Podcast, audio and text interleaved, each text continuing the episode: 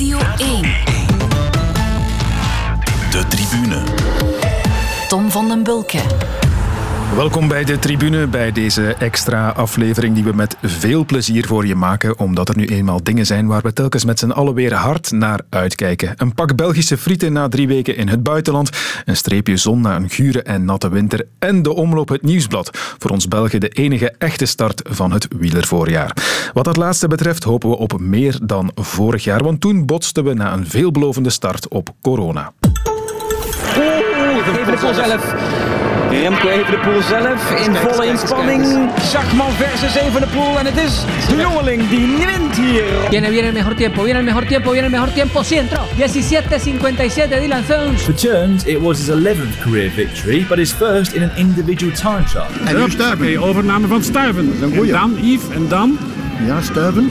Dat hebben we nog niet vaak gezien. Het is de Stuiven die de omloop het Nieuwsblad wint 2020. Lampaard is tweede, één en Belg, twee en Belg. Heel veel deugd om uh, direct de eerste openingsklassieker uh, te laten zien dat ik er terug sta. De laatste rit van zondag is geschrapt. Maar vandaag viel daar wel nog een Belgische zege te vieren. It's Benoot who wins. It's Sunweb who have delivered as a team. Really happy to uh, to give a victory to to them now. A lot of uh, effort we put in the team we have here, the classics team. Unfortunately, we cannot ride the classics this year, but uh, I'm sure in the future we will uh, still achieve some uh, some nice things. Ja, Dylan Teuns, Remco Evenepoel, Jasper Stuyven en Ties Benoten, die hoorde je ook. Ze wonnen allemaal vroeg in 2020, maar echt losbarsten deed het voorjaar pas in het najaar. Drie gasten zitten klaar om het te hebben over koers in het nieuwe normaal. En dat zijn Michel Wuits en José de Kouwer, het duo dat koers eet en drinkt. En Thijs Sonneveld, Nederlander, journalist en columnist en al even verslaafd aan alles op twee wielen. Goedemiddag, heren. Goedemiddag. Goedemiddag. Thijs, we bellen met jou, want jij bent in Nederland, in Amsterdam. Is de ontgoocheling over de Elfstedentocht daar al een beetje gaan liggen? Want die, die is er niet gekomen natuurlijk.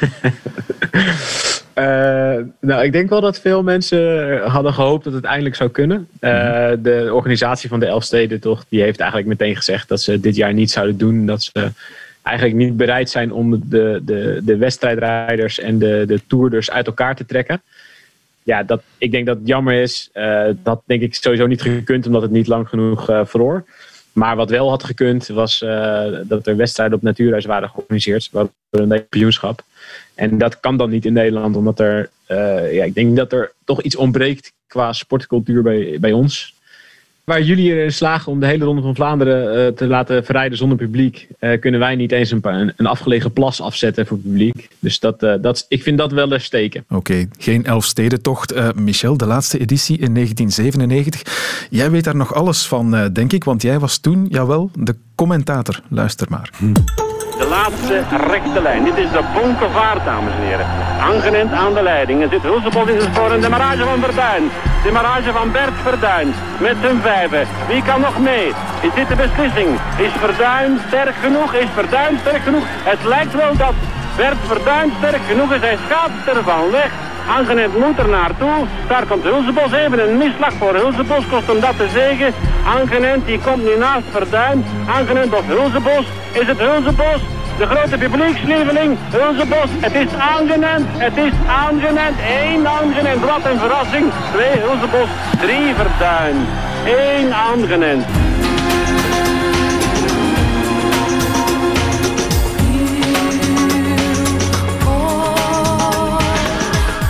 Geen paniekwieler, liefhebbers. We gaan wel degelijk over de koers praten, maar Michel, leuk om dit nog eens te horen, denk ik. Dat uh, staat in mijn top 5 van mijn sportbelevenissen ooit. Enfin, in mijn periode. Omdat ik, toen ik ermee bezig was, wist van dat zou wel eens de enige keer kunnen zijn. Uniek, hè? Ja, absoluut. absoluut. Ja. Ik krijg uh, rillingen nu ik het weer hoor. Niet van mijn eigen stem, maar van de ambiance.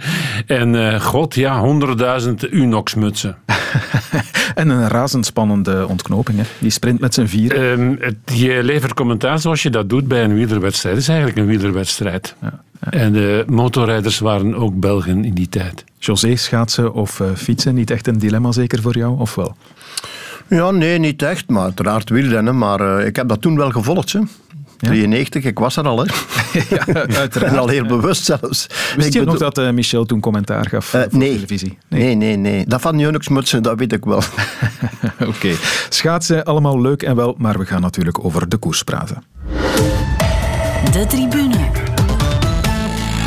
En laat ons dan toch maar beginnen bij dat verduivelde virus. Want eh, ja, Michel, hoe zeker zijn we dat we dit jaar zonder grote problemen tot aan eh, Luik, Bastenaken, Luik geraken? Ik eh, kan natuurlijk geen eh, volle 100% zekerheid garanderen. Ik leef nu, laten we zeggen, in een eh, zekerheid van 75, 80%. Omdat we het vorig jaar al bewezen hebben dat we het aankunnen. En dat is alles waar ik op voortga. Eh, plus ook nog is het feit dat qua infecties dat het naar behoren is. Ik ben wel niet te spreken over de snelheid van de vaccinaties. Ik denk dat om het even welke slak het beter doet. Ja. Koersen zonder het grote publiek, dat zal wel nog zo zijn natuurlijk, hè, José, in dit eh, voorjaar. Is dat op een of andere manier nog vervelend? Of zijn we dat eigenlijk al een beetje vergeten, dat publiek, door dat heel aantrekkelijke najaar dat we gekregen hebben? Ja, we gaan dat nooit vergeten. Hè. Dat bestaat niet. Ik bedoel, eh, publiek hoort in principe bij de koers. Eh, we hebben wel in het najaar in de Ronde van Spanje momenten meegemaakt waar je eigenlijk de koers beter kon lezen zonder publiek. Dat wel. Eh, waar je de grimassen van de renners dieper kon opnemen. Omdat anders toch wordt afgeleid een deel door het publiek. Maar laat ons maar zeggen, wielrennen zonder publiek is eigenlijk ja, net niet. Maar je mist het wel minder, vind ik persoonlijk, dan bij voetbal bijvoorbeeld.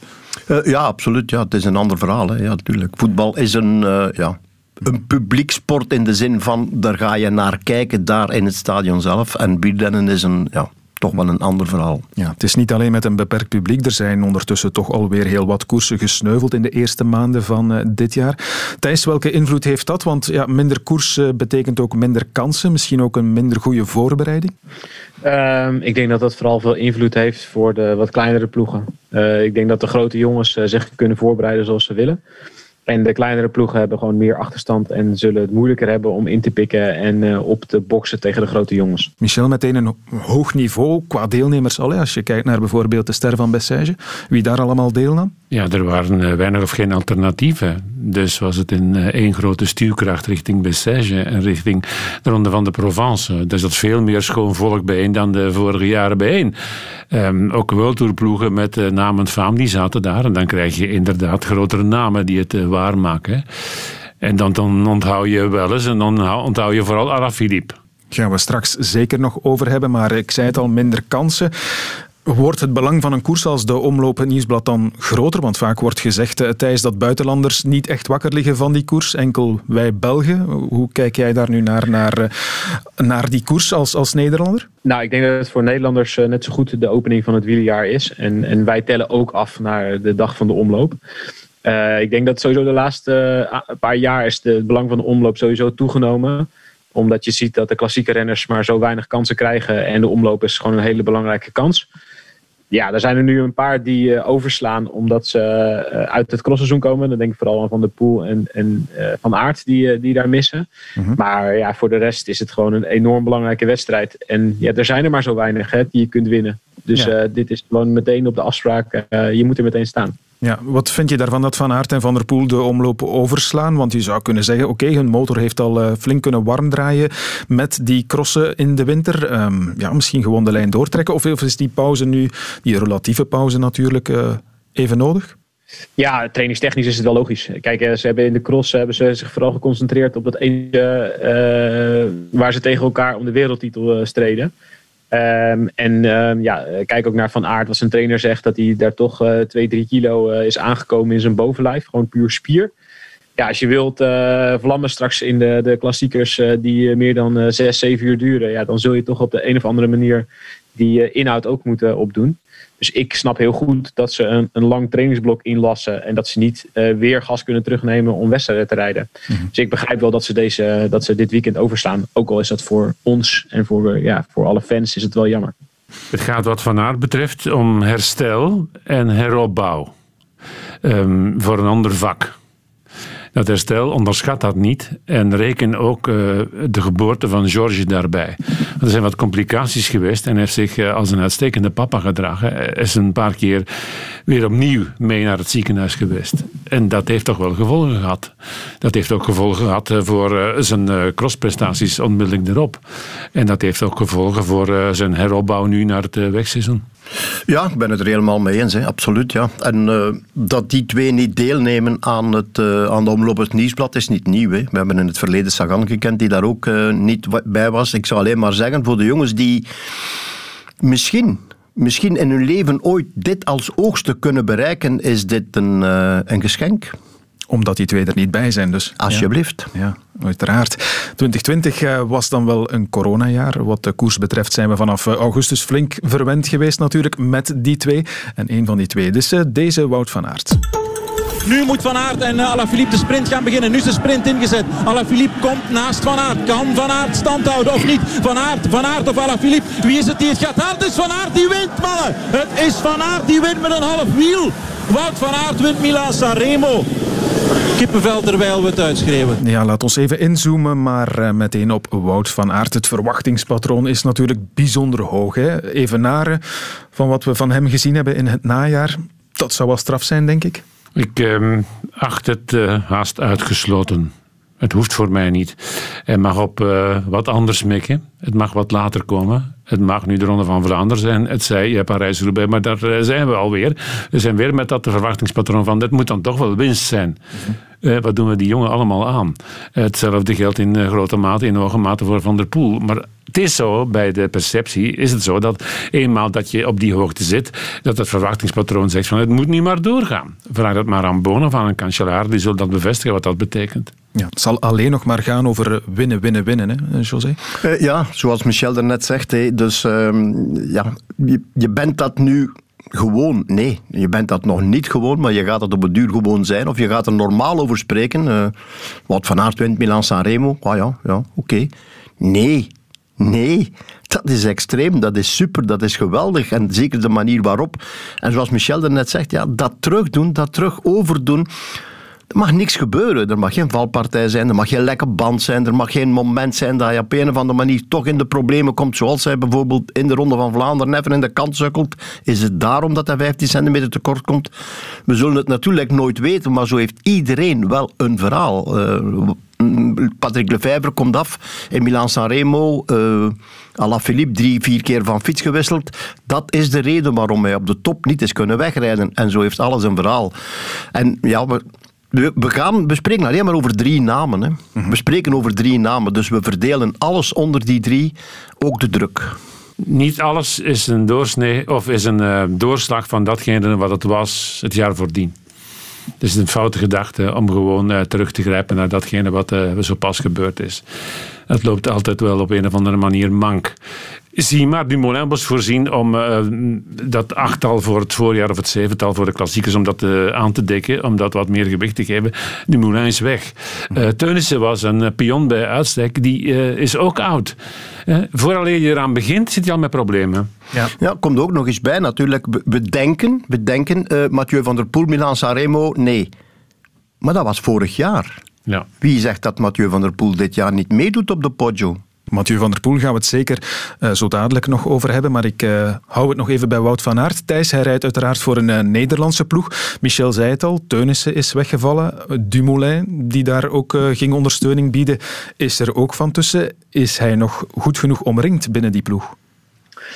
Nou ja, het hield al niet over in het klassieke werk. Ik denk dat Jumbo heeft zich uiteraard het afgelopen jaar enorm toegelegd op het, op het rondewerk. En de Tour moest en zou gewonnen worden. Dat heeft wel ook als consequentie gehad dat, dat ze in het klassieke werk wel het een en ander hebben laten liggen. Je kunt niet overal goed in zijn.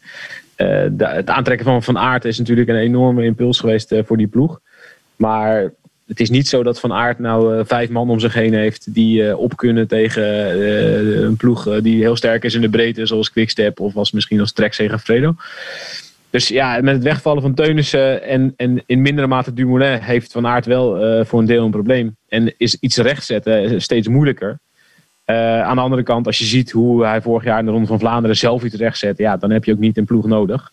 Maar ik ben het wel helemaal eens met José en Michel dat het vorig jaar was het ook wel een beetje een perfect storm voor Wout van Aert. Weet je, alles kwam samen. Ik denk dat de coronapauze voor hem en voor Jumbo-Visma voor de resultaten in ieder geval echt ideaal was Omdat ze daar eh, fantastisch uitkwamen. En omdat zij als een van de weinige ploegen ontzettend goed eh, begeleid werden. En eh, tegen elkaar op konden trainen, zeg maar. Dus vorig jaar was een soort perfect storm voor Van Aert. En dat ga je niet zomaar meer herhalen. En iedereen gaat naar die twee en misschien naar die drie kijken. En dat gaat de wedstrijden ook wel heel erg veranderen. Zie Gent-Wevergem vorig jaar. Ik leg de vraag ook nog even aan jou voor, José. Nathan van Hooijdonk is erbij gekomen bij Jumbo-Visma. Eh, Affini ook, dacht ik. Is dat genoeg qua versterking? Nee, uiteraard niet. Maar je kan ook alleen winnen. Hè? Maar dan moet echt alles, eh, alles meezitten. Dan mag je geen pech hebben. En een Ronde van Vlaanderen en een andere wedstrijden op klassiek gebied. Denk dan zeker nog aan Parijs-Roubaix. Zonder pech, zonder ooit maar één keer pech. Ja, dat is bijna onmogelijk. Dus je moet toch wel kunnen op een team rekenen. Liefst toch wel. Het komt daar nog bij dat hij dubbel eh, zal in de gaten gehouden worden als kopman zijnde. En dat hem toch wel de kastanjes, of hij zelf, of zijn team zal moeten uit het vuur halen. Jumbo-Visma is tekortgeschoten in de omringing van Van Aert. Zonder meer. Zelfs met een Dumoulin en zelfs met een Teunissen was het nog onvoldoende. Affini en Van Hooijdonk, dat zal nog moeten blijken. Daar had nog wel wat extra bij gemogen. Ook in de wetenschap dat Grundel Jansen ervan weg is. Ja. Dus eh, daar is het al in de fout gelopen. Ik kan wel begrijpen dat het weken en wegen is. Als je een uh, tourploeg in het getouw wil brengen die zegt van wij gaan de Tour winnen. ehm, dan zal het financieel ook wel eens even nadenken zijn. Maar ik vind dat eh, Van Aert binnenhalen eh, prima is. Maar dan had je me nog beter moeten omringen. Had Van Aert dan niet zelf met de vuist op tafel moeten kloppen en zeggen van kijk jongens, ik wil eh, voor volgend seizoen wel eh, die en die erbij. Ik neem aan dat hij dat gedaan heeft. Eh, de beslissing om dit- contract open te breken en te verlengen is vrij laat gevallen. Te laat wellicht om op de markt nog wat deftigs te doen. Wanneer is zijn voorjaar geslaagd, vind je? Ja, ik kom het daarnet te zeggen. Hè, als hij weer een klassieker binnenhaalt. Hè.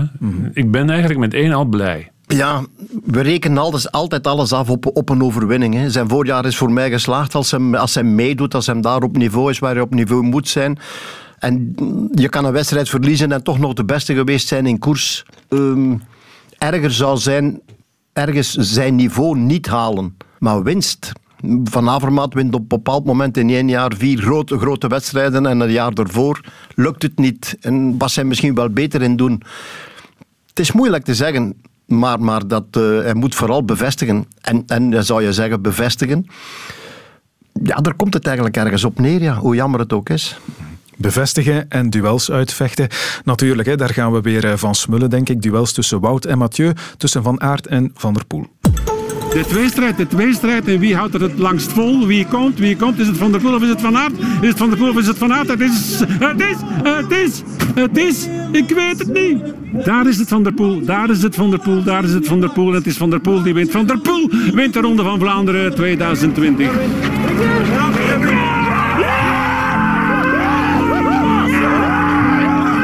Ja, Mathieu van der Poel, wereldkampioen geworden in het veld. En na die Ronde van Vlaanderen heeft hij op dit moment bij straks de start van het seizoen dan toch het mentale voordeel op, op Wout van Aert? Ik zou dat dan eerder gaan halen uit het WK cyclocross. Niet omdat hij de Ronde van Vlaanderen gewonnen heeft met een verschil van 10 centimeter. Dat is, eh, ja, laat het eh, ons maar zeggen zoals het is, bullshit of stierenstront. Stel je eens voor dat eh, Wout van Aert eh, net iets vroeger was gaan sprinten in de Ronde van Vlaanderen. Dan was het volgens mij eh, totaal anders geweest. Van Aert had vorig jaar echt de bovenhand. zowel qua resultaten als mentaal als qua ontwikkeling op Van der Poel. En het is pas gedraaid met de Ronde van Vlaanderen. En dat scheelde helemaal niks. Mhm. Als we kijken naar de ploeg van eh, Mathieu van der Poel, we hadden het net over die van Van Aert, niet al te goed omringd. Is dat bij ehm, Van der Poel beter? Nee, dat zou ik zeker niet durven zeggen. Helemaal niet. Eh, meedoen, hè. Mee, meesurfen op, eh, op, op eh, de flow van andere teams, op het team van Alaphilippe. eh en dan nog uitkijken of ze daar wel de kaart Alaphilippe trekken en of daar geen Lampaard of iemand anders van profiteert. Dat zou perfect kunnen, hè, want dat...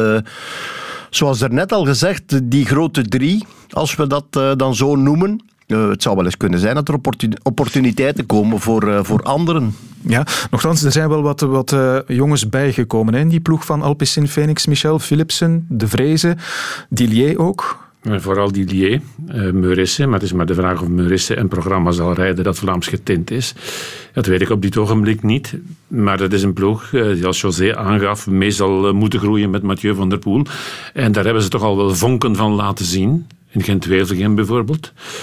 Maar ehm, om pertinente wedstrijd in handen te nemen, zou ik zeggen van niet doen. Nee, niet doen. Maar hebben ze bij de ploeg van Van der Poel hun huiswerk beter gemaakt dan bij Van Aert? Ik denk dat ze ehm, met geduld opbouwen naar een niveau dat helemaal op punt moet staan over een jaar of twee. Het zal nu hopen eh, zijn op omringing van eh, Van der Poel, een mannetje naast Van der Poel, op het moment waar dat nog nodig is, laten we zeggen, in het begin van de diepe finale. Laten we toch niet vergeten dat als die twee op hun best zijn, en voeg daar dan Alaphilippe dan ook nog bij als derde man, ehm, dat als die op hun best zijn, ehm, dat dat uh, mannen zijn van de lange adem, van de hevige, de heftige aanval. En vergeet ook niet dat die in de Ronde van Vlaanderen van vorig jaar de rest vernederd hebben. Hè? Inderdaad. Gewoon naar de Filistijnen gereden. Hè? Ja, komt er dan nog, nog eens bij dat op het moment als die, als alle drie in orde zijn en ze gaan, wie als knecht, tussen aanhalingstekens, kan dan nog mee? Als, dan moet je al gaan spreken. Het zijn misschien Nasen, het zijn misschien Van Avermaat, het zijn misschien nog een paar kopmannen uit andere teams. Maar om daar nog extra volk bij te hebben, de vraag is, heeft Quickstep er dan nog iemand bij? Dat, is de, dat zou wel eens kunnen het, het punt zijn in, de, in het volgende voorjaar, dat we nog vaak met kopman alleen zetten. Ja. Maar het is wel zo, ze gaan daar niet iedere wedstrijd doen, zoals in de laatste ronde. Dat kan niet, hè. Je moet sowieso een ploeg hebben, hè. Zie maar Gent-Wevelgem. Als ze daar uh, elk een pionnetje uh, bij zich hebben, dan uh, wordt de wedstrijd misschien toch nog wel anders gereden. Ja. Er is nog een onbekende factor eigenlijk. Hè. Um, ik leg die misschien even voor aan Thijs. Wat is Mathieu van der Poel waard in Parijs-Roubaix? Dat weten we nog niet. Nee, maar als je hem hebt aan de slag gezien in de grote prijs Denain uh, vorig jaar, dan, uh, dan vrees ik met grote vrezen voor de rest. Ik denk dat Van der Poel en Van Aert daar ook de twee mannen zijn waar iedereen naar kijkt. Misschien dat je daar iets meer kan oplossen door ze eerder in de, in, het, in de verdediging te drukken. Maar normaal gesproken, als daar op het Carrefour de Larbre, als die twee gaan, dan kan niemand volgen, denk ik. Het lijkt logisch ook, hè, um, José, dat, dat Van der Poel perfect zich uit de slag kan trekken in, in Roubaix? Ja, uiteraard. Ik heb alleen schrik voor die twee oplekkerijen. Ik bedoel, daar, ze kunnen, je kan over de kasseien vliegen, maar je kan ook zo hard vliegen en zoveel swing en risico's nemen dat, het, dat je net over dat tikkeltje gaat. En dat is in Roubaix toch wel gevaarlijk. We hebben al, uh, ja, ik heb nog bijna niemand sneller over in, Roubaix over de kasseien zien rijden dan Sepp van Marken. Voor een bepaalde strook. Van Petegem, 2004. Ja. Ja, dat was, die raakte de kasseien niet, ja, inderdaad. Voor een bepaalde strook, maar je mag dan ook wel niks tegenkomen daarachter. Hè. Dus en er gebeuren toch wel vaak fouten. En daar het enthousiasme van beide crossers, als we dat zo moeten noemen, op dat moment worden dat terug crossers natuurlijk, dat zou wel eens kunnen gevaarlijk zijn.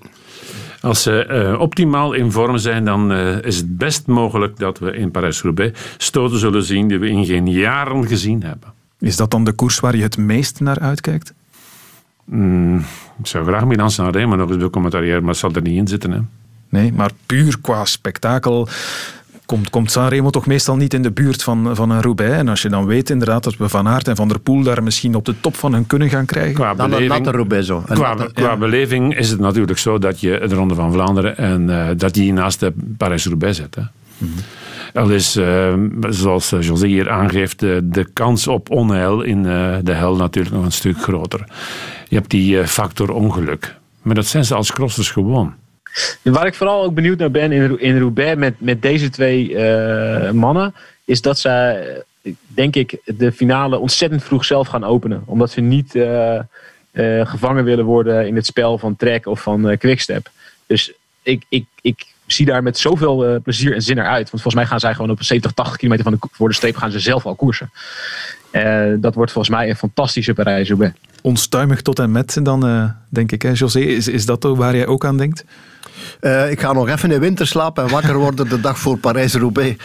Ja, inderdaad. Hè, ja. Het is, het is, uh, ja, ze kunnen het. Hè. Ze kunnen het alle twee. Ze durven alle twee. Dat maakt het juist mooi. Um, en, we zijn weer al bezig om alleen maar over die twee te spreken. Hè. -hmm. We gaan er nog een derde aan toevoegen. Hè. Julien Alaphilippe, dat zal dan misschien niet voor uh, Parijs-Roubaix zijn, maar wel voor alle andere koersen, denk ik. Hè. En hij had vorig jaar al de Ronde van Vlaanderen kunnen winnen. Val Alaphilippe, val Alaphilippe. En die blijft op zijn buik liggen. En dan zijn de twee Kempen nog met z'n twee. Daar ligt hij te kronkelen van miserie. De man die de beste indrukken naliet in deze wedstrijd tot dusver. Bij zijn debuut in de Ronde van Vlaanderen ligt hij dan plat op zijn buik. En alweer moeten we een ander verhaal gaan schrijven. Hoe is dat in godsnaam mogelijk? Wat is daar precies gebeurd? Ja, dat weten we ondertussen. Julian Alaphilippe, wereldkampioen, al op dat moment viel letterlijk weg uit de ronde. We hebben hem ondertussen alweer in actie gezien, uh, Michel, in uh, de Ronde van de Provence. Al meteen in grote doen, zeg. Vooral op uh, het stuk van toe tot de Chalet Renard. Daar was ik echt van onder de indruk. Zo vroeg. Uh, te meer omdat hij mij innerlijk al wat in slaap had willen wiegen door te zeggen van ik heb nog wel wat veel lasten. Hè.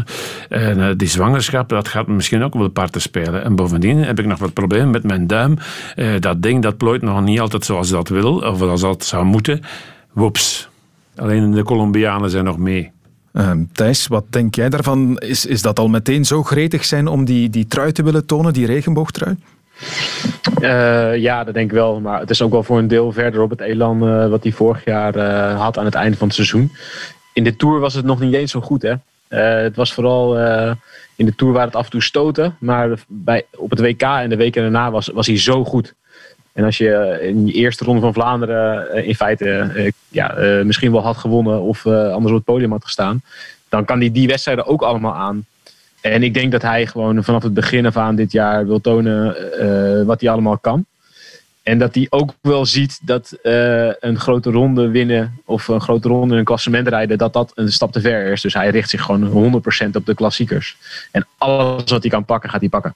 En dat gaat veel zijn. Vorig jaar was hij in Parijs-Nice niet goed helemaal niet goed. Ondanks het feit dat hij meesprintte voor winst in de eerste etappe, zakt hij uh, gevoelig weg in de volgende etappes en speelde eigenlijk uh, totaal geen rol. En toch wordt hij tweede in Milan Sanremo. Hij is nu veel beter dan vorig jaar.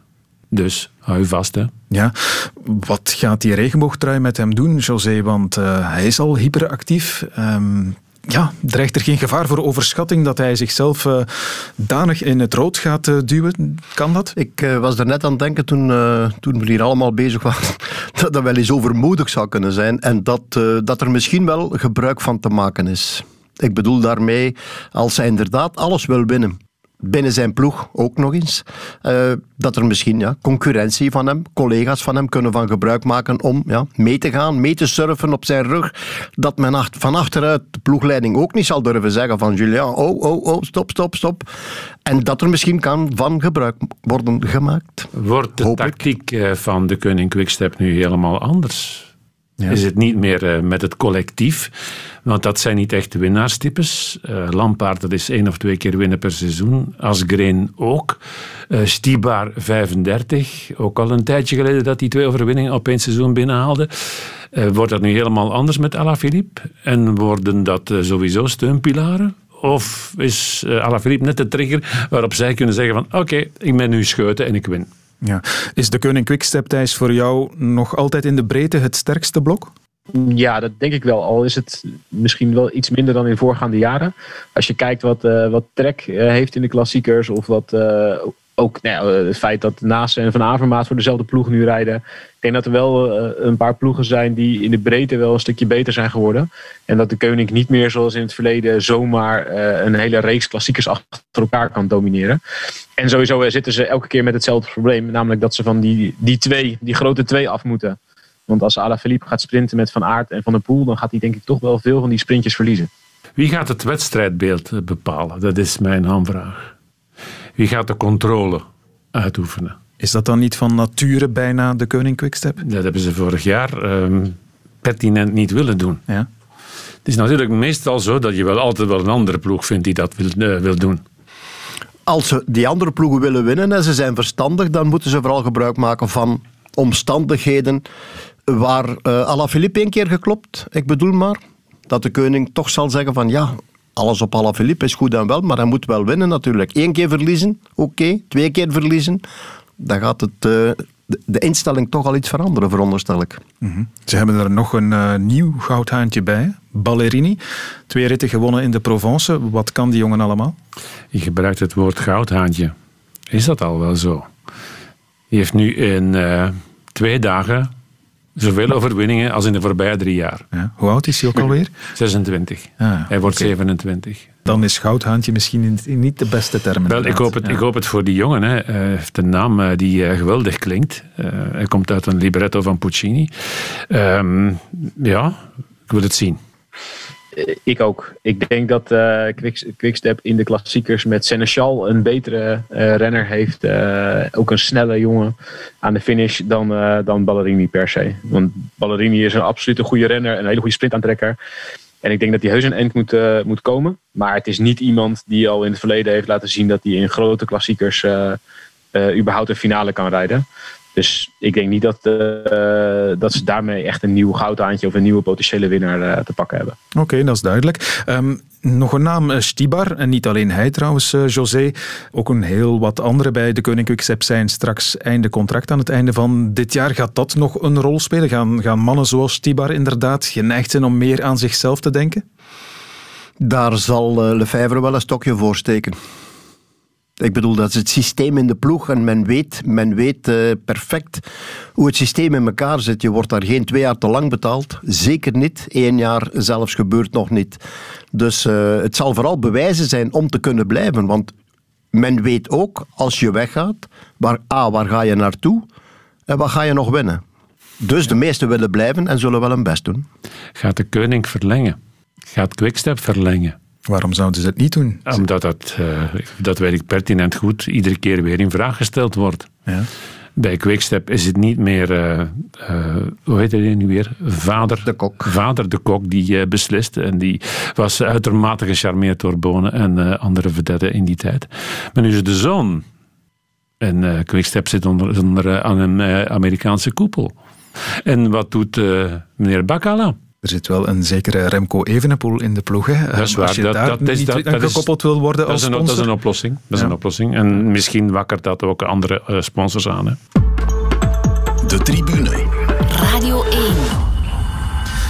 Alaphilippe, Van der Poel en Van Aert. En wat kan de rest tegen die grote drie? Dat is natuurlijk de vraag. En twee van de uitdagers van de voorbije jaren hebben alvast eh, beslist om dit keer samen de wapens op te nemen.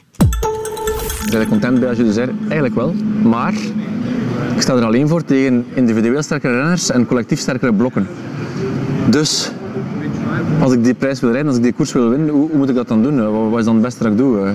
En de ploeg heeft die, die vraag voor mij opgelost door ik weet niet hoeveel versterkingen eh, aan te trekken. Maar het eh, betekent wel dat jullie, ja, jullie zijn echt kameraden. Hè. Dat, gaat, eh, dat gaat vonken geven. Hè. Of, of, of net niet, want ja, zijn jullie een beetje niet dezelfde twee type coureurs? Ja, ik denk dat we sowieso wel eh, dezelfde eigenschappen hebben.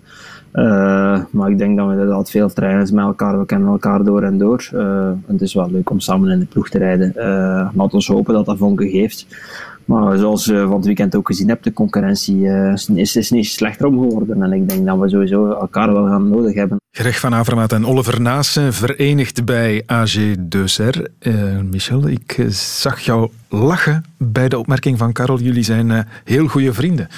Dat is ongetwijfeld zo. Hè. Eh, Dat leidt tot leuke spielerijen op training. Eh, Elkaar de baard afdoen, eh, een, eh, een kommetje halen op eh, Strava. En dat weet ik allemaal. Maar als het er echt op aankomt... en eh, Van Avermaat voelt zich in zijn sas... dan zal naast altijd knechten. Wie van die twee, José, is, is de meest eerzuchtige?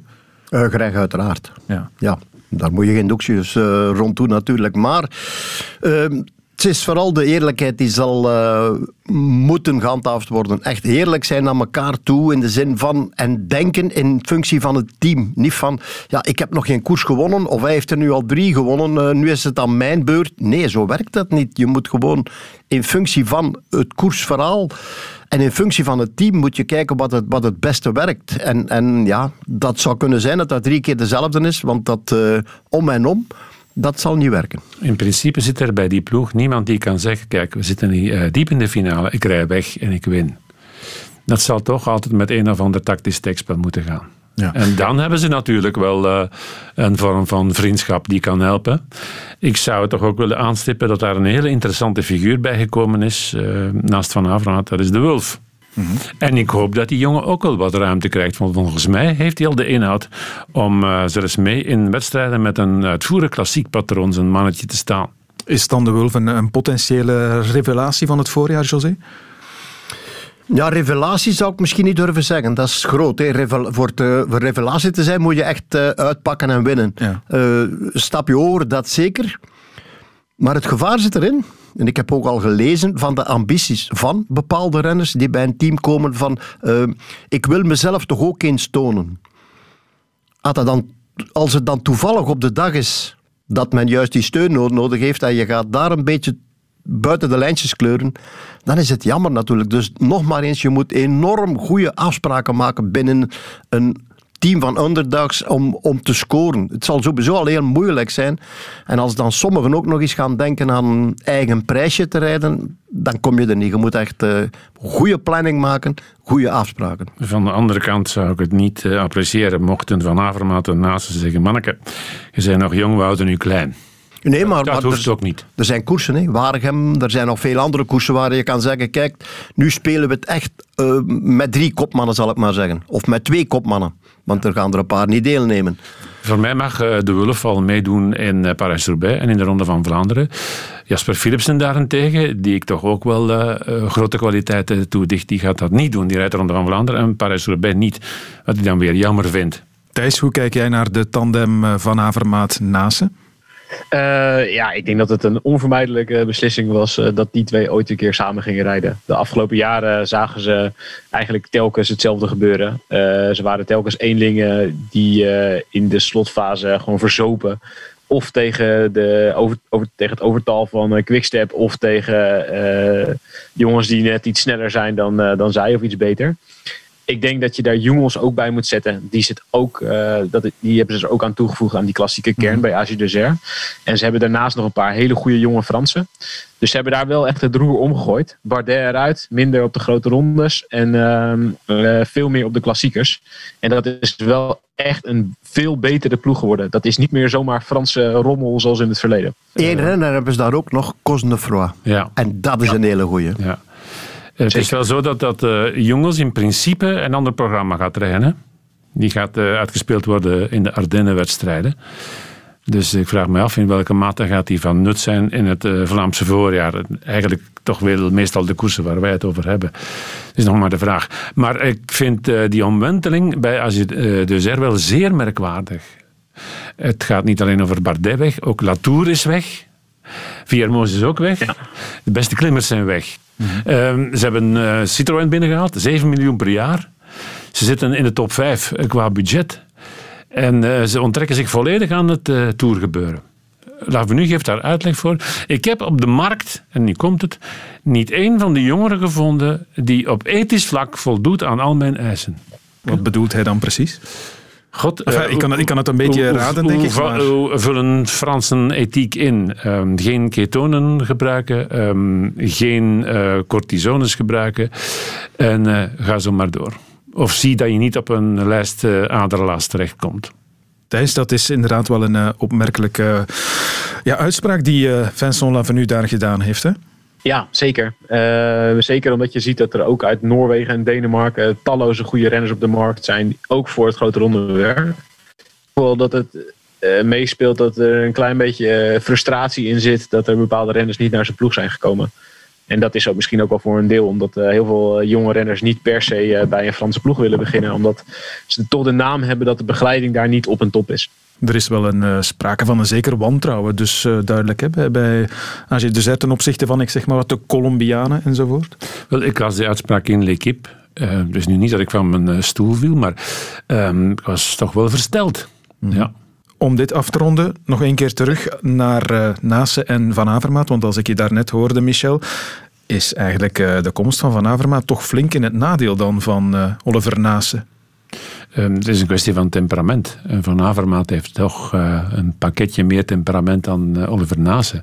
En als puntje bij paaltje komt, uh, zal hij dat met zijn weerbaarheid en zijn gestrengheid in zijn blik wel afdwingen. De, de, de drang is bij Van Avermaat nog altijd groter dan bij de beste Nase.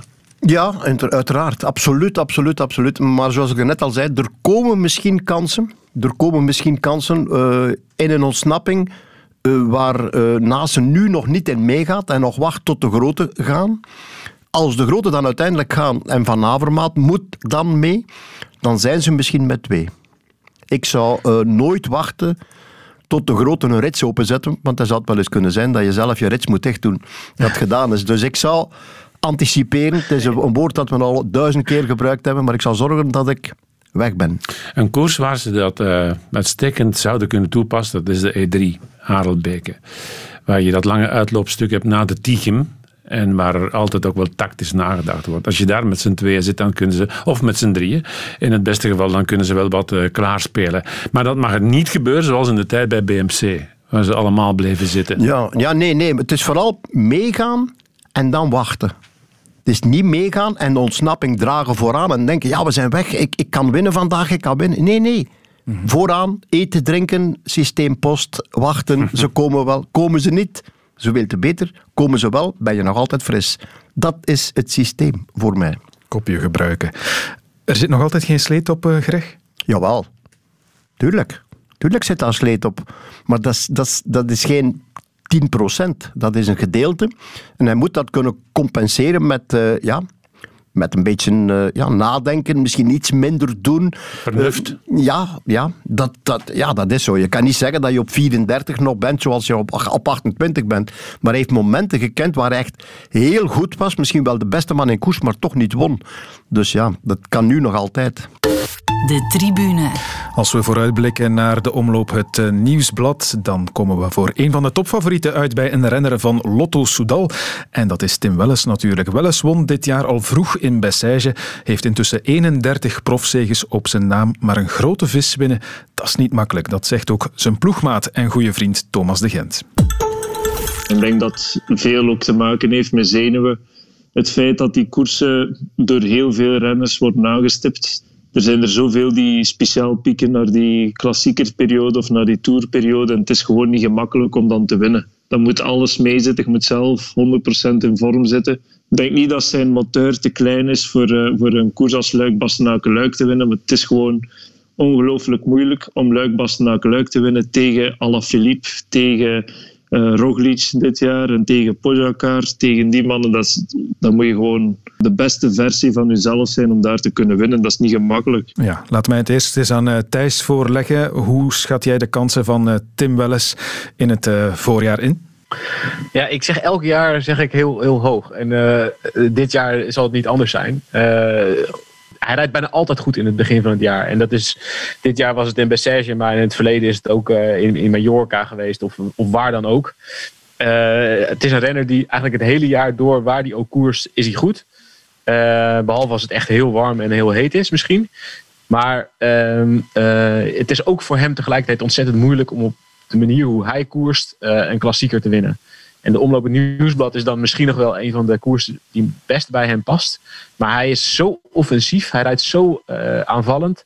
Dat werkt heel goed in, in, in wat kleinere koersen. Daar kan hij echt iedereen overrompelen. Maar dat is in, in grote klassiekers soms te lastig. En dan zijn er toch te veel grote ploegen en te veel grote renners die achter hem uh, uh, erachteraan rijden en profiteren van zijn uh, te offensieve of te druistige manier van koersen soms. Ja, gaat hij soms inderdaad te vroeg in de aanval, José? Wel, ik, ik vergelijk uh, wel eens een klein beetje met Eddie Plankaart. Vroeger dan. Uh, Eddie Plankaart won uh, altijd koersen van, van Bessège tot de Middellandse Zee. En won nooit een klassieker. En men zei, ja, ik kan geen 260 kilometer aan. Tot op een bepaald moment, en dan is anders beginnen werken, is minder in het voorjaar, minder gepikt naar die vroege periode. Want ik vraag me dan af, oké, je kan dan wel winnen in Bessège. Pas op, dat is maar een gedachte. Je kan wel winnen in Bessège, maar is je basis eigenlijk al breed en goed genoeg om de lijn door te trekken. En om dan ga je dan uh, echt focussen op het absolute grote werk van zes uur, zes uur en een half en zeven uur soms. Dat, dat vraag ik me af. En is dat de reden waarom wel eens dan net niet in die wedstrijden schittert en, en dan wel tot, ja, jammer genoeg, 200, 200 kilometer. Ja.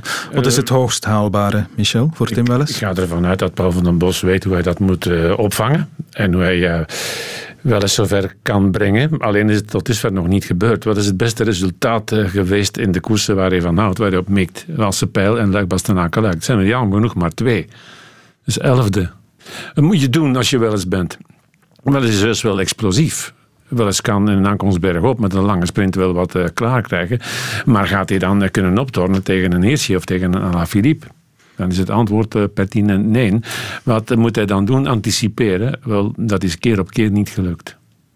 Dat is een dilemma, hè? Uh, we hopen dat je inderdaad, zoals uh, Thomas de Gent dat zegt, dat je je beste vorm te pakken hebt op de meest ideale dag en dat de anderen dan ook nog net wat minder zijn.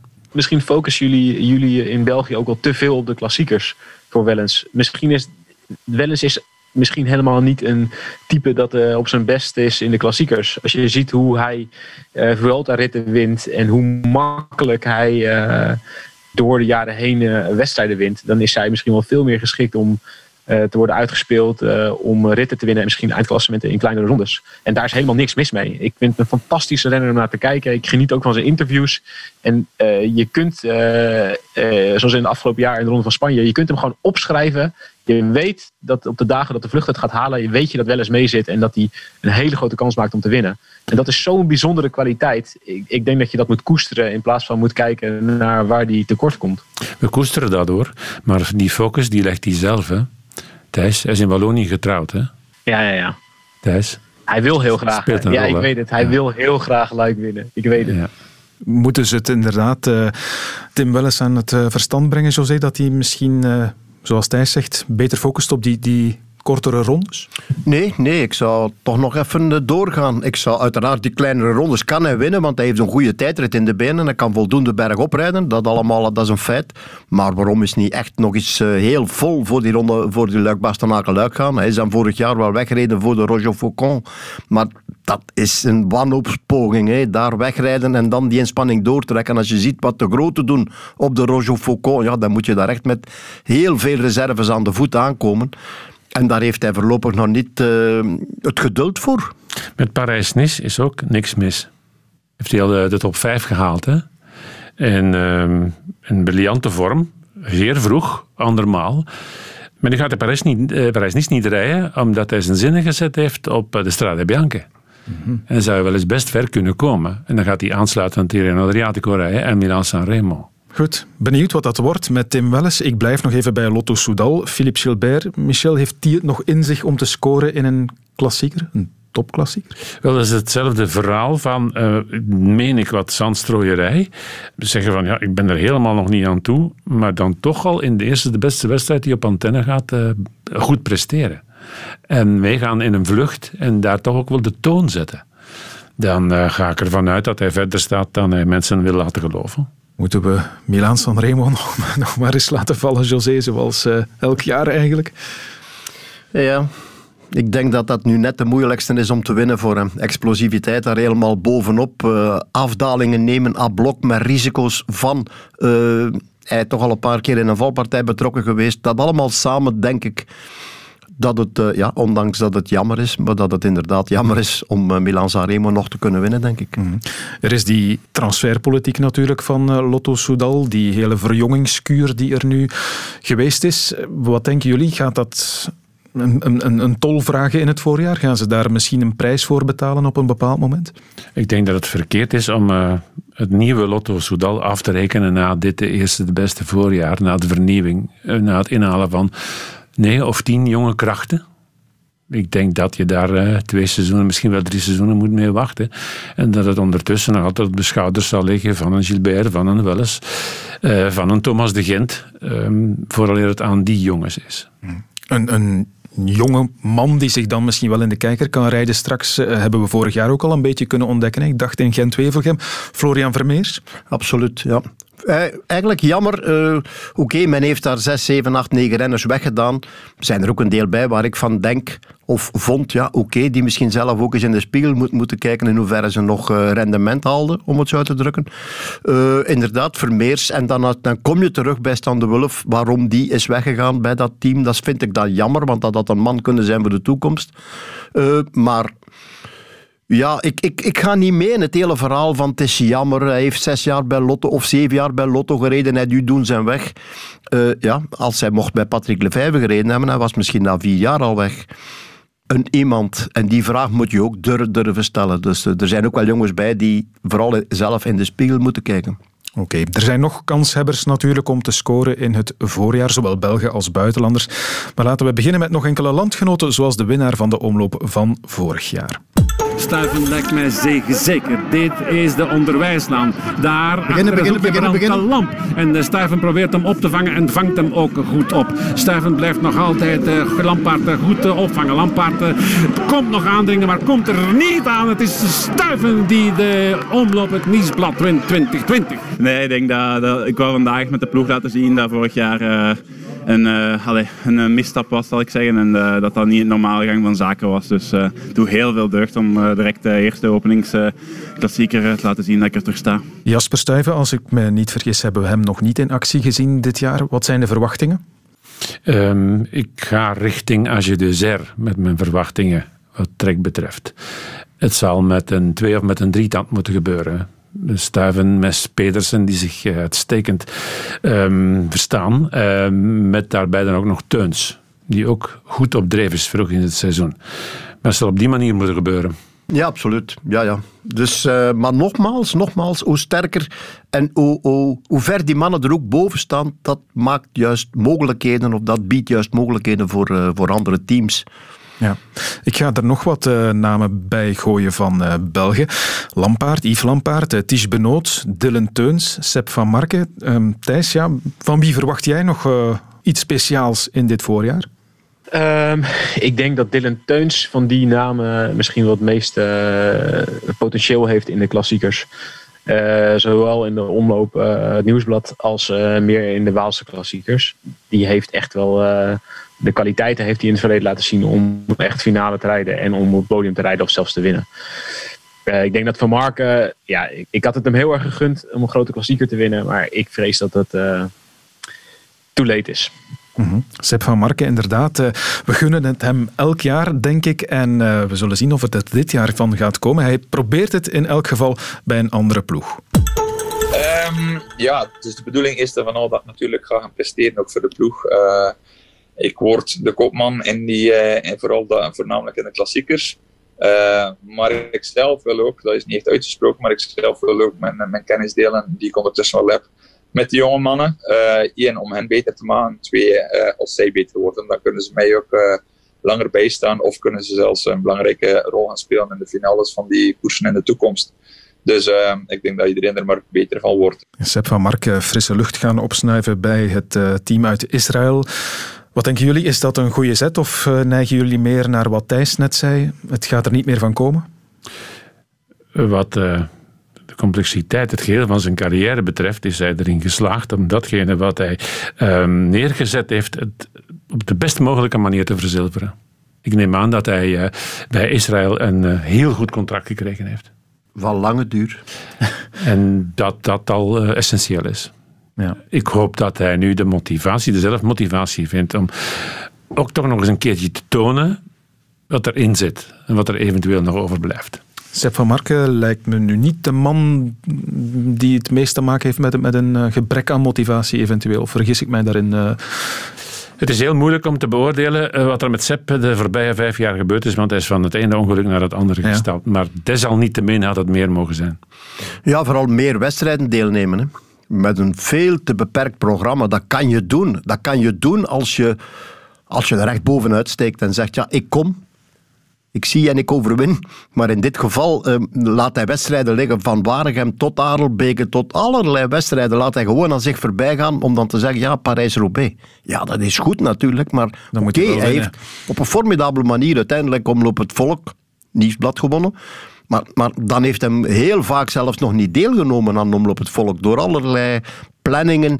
En dat ik dan denk bij mezelf, ja, maar als jij al niet gaat deelnemen aan Omloop het Nieuwsblad, wie gaat er dan wel deelnemen? Die, die, het zijn pas die anderen, de absolute toppers, die misschien kunnen zeggen van, dat laat ik aan mij voorbij gaan. Maar begin deze eens terug met dat te winnen, denk ik dan. Mm-hmm.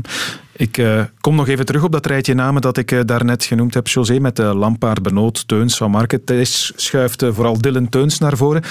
is inderdaad veelzijdig wel. Hè? Kan het zowel in het Vlaamse werk als in de Ardennen? Hij was mij voor, jammer. Ja. maar, maar, dat is goed natuurlijk. Maar inderdaad, Teuns, goed bezig, kan een finale rijden en kan ook een tijdrit rijden. Misschien, misschien iets meer risico inbouwen. Want uh, op zekerheid meedriften en dan wachten en kijken dan is er misschien net iemand voor je weg en dan wordt het moeilijk natuurlijk. Ik hoop dat hij Parijs-Nice rijdt. Want daar maakt hij ons, uh, Belgische commentator, altijd blij. Het is altijd wel prettig als je een landgenoot hebt die meedoet voor ritwinst. En ook nog een hele poos meedoet uh, voor het uh, eindklassement. Ziebenoot vorig seizoen. Ja. Daar kikker je van op. Dus daar reken ik op Teuns. Um, Teuns is veelzijdig. En misschien speelt dat een parten te veel. En mikken op de omloop straks. En mikken op de Ronde van Vlaanderen. En mikken op de Ardennen. Um, dat is heel mooi dat je dat allemaal in petto hebt. Maar komt het dan ooit eens tot die ene geweldige winst? Mm -hmm. Of moeten we zoals uh, Thijs uh, suggereerde, dan met Teuns nog maar eerder naar uh, rittenkoersen van één week gaan? Ja. Wat doe je met Ties Benoot? Uh, Ties mag mij, um, zoals hij dat vorig jaar in Parijs-Nice uh, gedaan heeft, even sterk charmeren, want daar was hij echt sterk. Ik zie dat hij ook um, aan een reconversie toe is. Dat hij nu zijn laatste seizoen alles gaat zetten op het klassieke werk. En dat hij van dan af renner wordt. Ja, dat is een man met een plan, hè. Ja, hopelijk trekt hij die lijn door, die lijn van uh, Sunweb, DCM nu. Dus laat ons hopen dat ze daar inderdaad met uh, Ties Benot, maar hij vooral zichzelf ja, ik ga niet zeggen opnieuw uitvindt, helemaal niet, maar nog verbeterd. Ja, is hij een man met wie we nog rekening moeten houden voor de Ronde van Vlaanderen bijvoorbeeld? Dat is de koers waar we hem uiteindelijk uh, ooit ontdekt hebben. Hè? Het moet erin zitten. Hè? Als je dat op 2, 23 jaar uh, vijfde kunt rijden, of daar toch in de buurt ergens, dacht ik, vierde of vijfde, ja, dan moet dat nu zoveel jaren later zeker kunnen. Alleen moeten daar ja, dan ook echt vol voor gaan en dat daar niet bij nemen natuurlijk, want dan wordt het toch wel moeilijk. Ja, zou dat nog in zijn hoofd zitten? Uh, die Ronde van Vlaanderen? Mm -hmm. Ja, het valt me nu plots wel een beetje moeilijk om te zeggen van het wordt de Ronde van Vlaanderen van zijn laatste kans. Want het is inderdaad zo dat hij zich wil gaan toeleggen op het uh, grote ja. rondewerken. En in welke mate gaat hij dat dan doen? Gaat hij dan, zoals hij dat vorig jaar bij Sunweb fantastisch gedaan heeft, in een samenspel met Krauw Andersen. Toen was Hirschi er ook nog bij. Wat mij toen wel opviel, dat was ook door omstandigheden, door een val vrij vroeg in de Tour, dat hij daar iedere keer nummer één was om de battles te openen, waar de anderen dan van profiteren. Het zou wel eens leuk zijn dat hij dat kan omkeren en dat hij met ritwinst of een paar ritten naar huis komt. Probleem daar is gebrek aan explosiviteit. Weet je wat, weet je, dat is voor de heel veel van dit soort jongens die we nu bespreken natuurlijk. Uh, het moeilijke in al die, zeker in de Vlaamse klassiekers, is dat je kunt nog zo goed zijn, je kunt het niet controleren. En in grote rondes kun je veel meer controleren wat je uitslag uiteindelijk wordt. In die Vlaamse wedstrijden zijn er zoveel jongens die van plek 3 tot 20 uh, kunnen rijden als ze wachten. Maar die alleen maar kunnen winnen als ze tactisch gezien meezitten. En dat heb je niet in de hand. Dus ik begrijp heel goed dat jongens als Benoot, uh, als ze meer controle willen hebben over de resultaten in hun carrière, dat ze toch meer gaan kijken naar uh, het grote rondewerk of het kleine rondewerk in plaats van de klassiekers. Oké. Om het luikje België uh, stilaan af te sluiten, misschien toch nog een woordje, José, over Yves Lampaard. Um, komt nu op televisie, iedereen beroemd. Gaat hij ook beroemd worden in de koersen die eraan komen? Dat is een andere vraag. Ja, als het voor uh, Benoot, zoals Michel daarnet zegt, de laatste kans is. Ik zeg niet dat het voor uh, Lampaard de laatste kans is, zeker niet. Maar moet dan ook weer kunnen gebruik maken van de breedte van, van de ploeg. Zoals we een tijdje terug geleden gezegd hebben.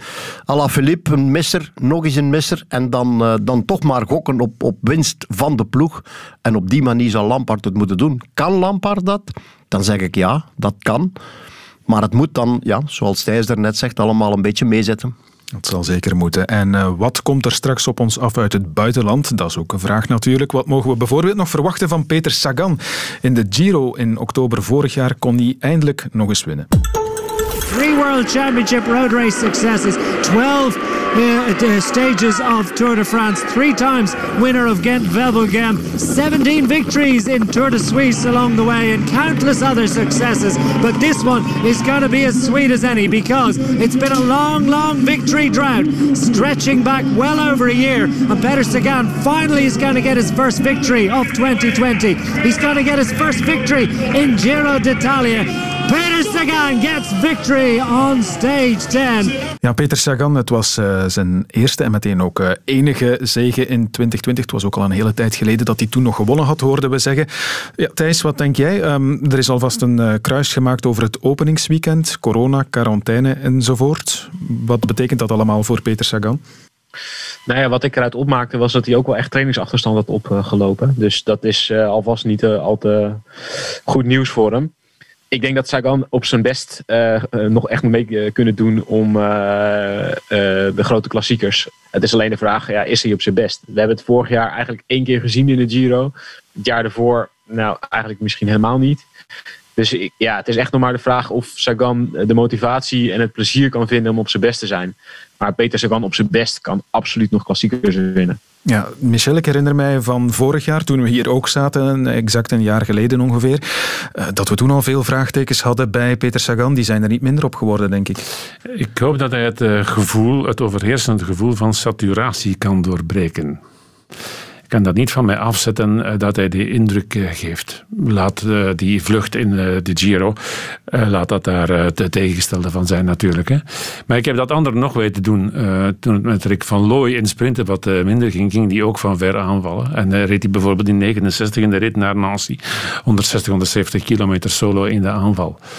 Um, is dat een veeg teken daarvoor kiezen? Of is het precies zo'n toonbeeld willen zijn van weerbaarheid. Ik hoop op het, op het tweede.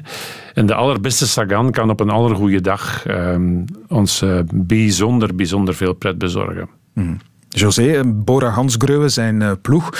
Hebben ze daar al een beetje geanticipeerd op... Uh, ja, het zal misschien allemaal niet meer van Peter Sagan komen en dus Niels Pollitt binnengehaald. Um, dat is ook wel een kopman, denk ik, hè? Of niet? Ja, kopman. heeft hij gewonnen? Ja, dat is het hem juist. Win maar eens een koers. Hè? Hij steekt er ver bovenuit in lengte, maar uh, kopman, dat zou ik niet, niet durven zeggen. Dus uh, ja, hij wordt ooit eens tweede in een uh, Parijs-Roubaix zeker. Maar, maar ja. verder, ja, dat is moeilijk. hij heeft zelf problemen om een etappe te winnen in Parijs-Nice. maakt redelijk veel fouten, is niet direct de meest slimme renner in het peloton.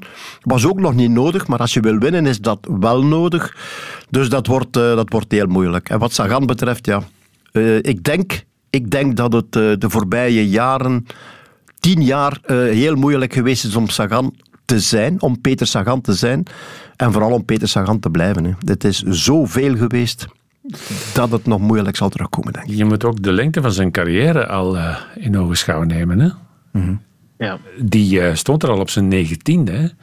Die won alle ritten in Parijs, niet op zijn twintigste. Waar wij van zagen, want wat gaat daar ons nu allemaal overkomen? Ja, het is gebeurd. Hè. Maar de manier waarop hij uh, grote rittenkoersen reed, dat was uh, zoals Van Looy in 62, kom weer met die vergelijking, elke dag erin vliegen. Elke dag mee eh, sprinten voor winst. En um, voor die uh, tussensprinten meegaan in uh, ontsnappingspogingen in bergetappes. En ook daar nog eens een gram halen. Die reed van de 21 etappes reed er 17, 18 in het offensief. Hè? Of in iedere keer met, met, met focus. daar ben ik hem uitermate dankbaar voor. Ja. Dus kan ik wel begrijpen dat als we 10, 11, 12 jaar verder zijn, dat het wat minder is. Peter Sagan draait inderdaad al, al lang mee, Thijs. Maar er zijn er ook uh, anderen die dat al doen. Hè, die die liefde voor de koers misschien langer in zich dragen. Die de goesting ook langer meedragen. Ik denk dan maar meteen aan een van jouw uh, favoriete renners, Alejandro Valverde. ik voelde hem komen. Ja. Ja, ja, nee, het is ongelooflijk hoe, hoe lang hij het volhoudt. Maar, maar zelfs Valverde heeft aangekondigd dat hij na dit seizoen stopt. Dan moeten we Denk allemaal je? nog zien natuurlijk op Gaat hij echt stoppen? waar is. ik weet het niet. Ik weet het niet. Daar durf ik echt, bij hem durf ik dat echt niet te zeggen. Hij zegt dat hij uh, stopt. Maar uh, ik uh, sluit niet uit dat als het dit jaar weer allemaal van een leien dakje gaat, dat hij volgend jaar toch nog weer een seizoentje doorgaat. Nee, ik denk dat hij stopt. Ik denk dat hij voldoende uh, fondsen verzameld heeft om zijn alimentatie uh, nog een post te blijven betalen.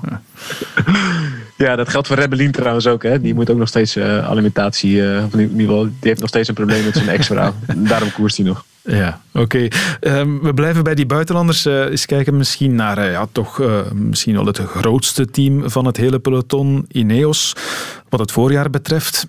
Ja, die ploeg is niet zo sterk gewapend. Hè. Daarvoor um, blijft dat duidelijk dat voor Ineos alleen de grote ronde stellen, dat ze van die voorjaarsklassiekers uh, niet te veel wakker liggen. Ze hebben Rowe voor de klassiekers en ze hebben Van Baarle.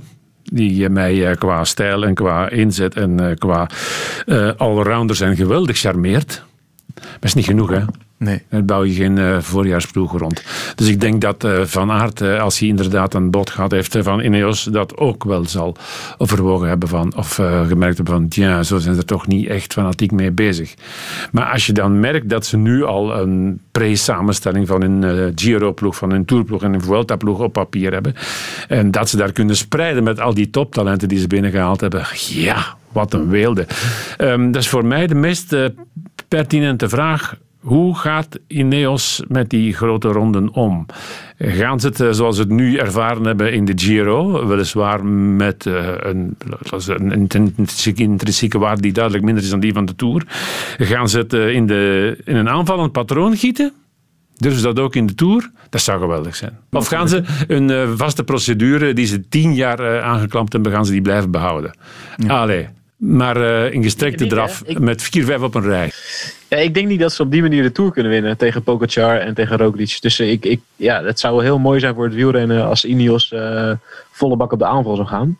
Maar voor het voorjaar ben ik, ik ben zelf stiekem wel benieuwd naar wat Pitcock doet. Dat zal dan meer naar Ardense klassiekers zijn. Maar ik, uh, ik ben er wel stiekem benieuwd naar wat die kan op de weg. Dat zal dan voor de omloop zijn en Parijs-Roubaix. Van Vlaanderen houdt hij niet. Nee? Nee. De omloop, nee. dat nee, is nogthans ja, ik geloof dat de? Brabantse pijl en de Waalse pijl ook op zijn uh, Ja. programma staan. Ja, klopt. Wat zie jij in eh Pitcock voor het voorjaar, José? Goh ja, Pitcock is een talent. Hè. We hebben Pitcock al jaren gevolgd. We hebben een wereldkampioen tijdrijden weten worden in Bergen. Eh, ja, dat niet alleen natuurlijk. Heeft Parijs-Roubaix gewonnen bij de beloften. Eh, maar dat is allemaal bij de beloften. En niet iedereen eh, presteert zoals een Remco Evenepoel gedaan heeft. De, de, de kans dat Pitcock meedraait van in de beginnen bestaat, absoluut. Winnen wordt natuurlijk nog even iets anders. Nog even iets anders.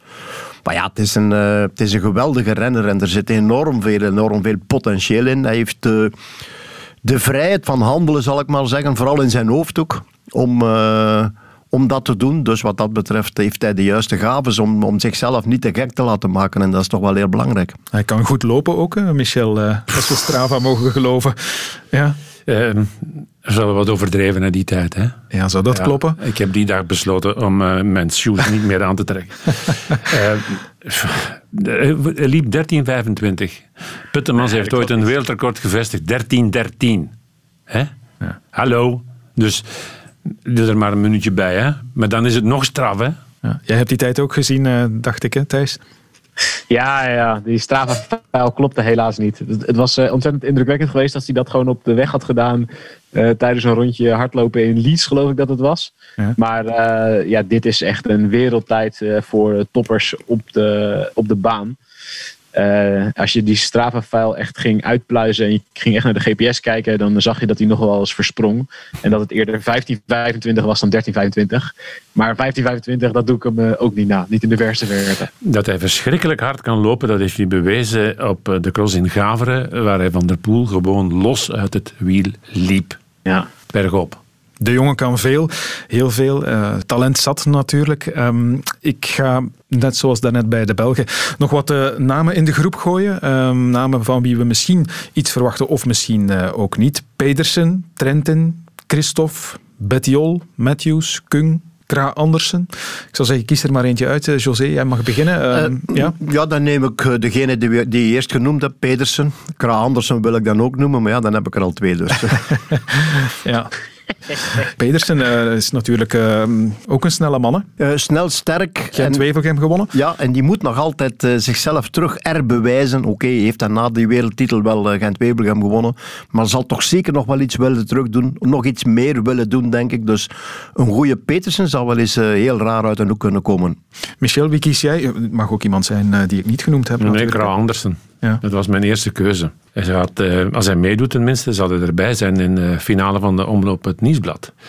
Waar hij uh, vorig jaar ook van de partij was. En derde uiteindelijk geworden is na die twee Belgen. Die heeft mij bijzonder gecharmeerd in de Ronde van Frankrijk. Dat is um, niet alleen sterk, dat is ook nog eens zeer snel. Maar vooral pinter. Heeft de neus voor het unieke moment. En er zijn er niet te veel die die neus hebben. We hadden hem ook in gedachten voor de Ronde van Vlaanderen, vorig jaar. Ja, maar ik heb het al eerder gezegd. Van Aert en Van der Poel een Alaphilippe, al zal dat nooit bewezen worden, misschien kan hij dat nu uh, volgend seizoen, uh, die hebben de anderen gedegradeerd. Hè. Gewoon weggereden. Hè. Er is weinig op teruggekomen in de pers de dagen daarna. Maar buiten die drie, en uiteindelijk twee, stonden die anderen hoegenaamd niet op een foto. Thijs, wie heb jij nog in gedachten? Ja, ik denk dat Kraal Amazon daarvan de meest interessante is. Ik geloof dat hij viel in Parijs Tours en daardoor uh, in de Ronde van Vlaanderen ook niet goed was. Uh, maar dat is wel een hele interessante figuur.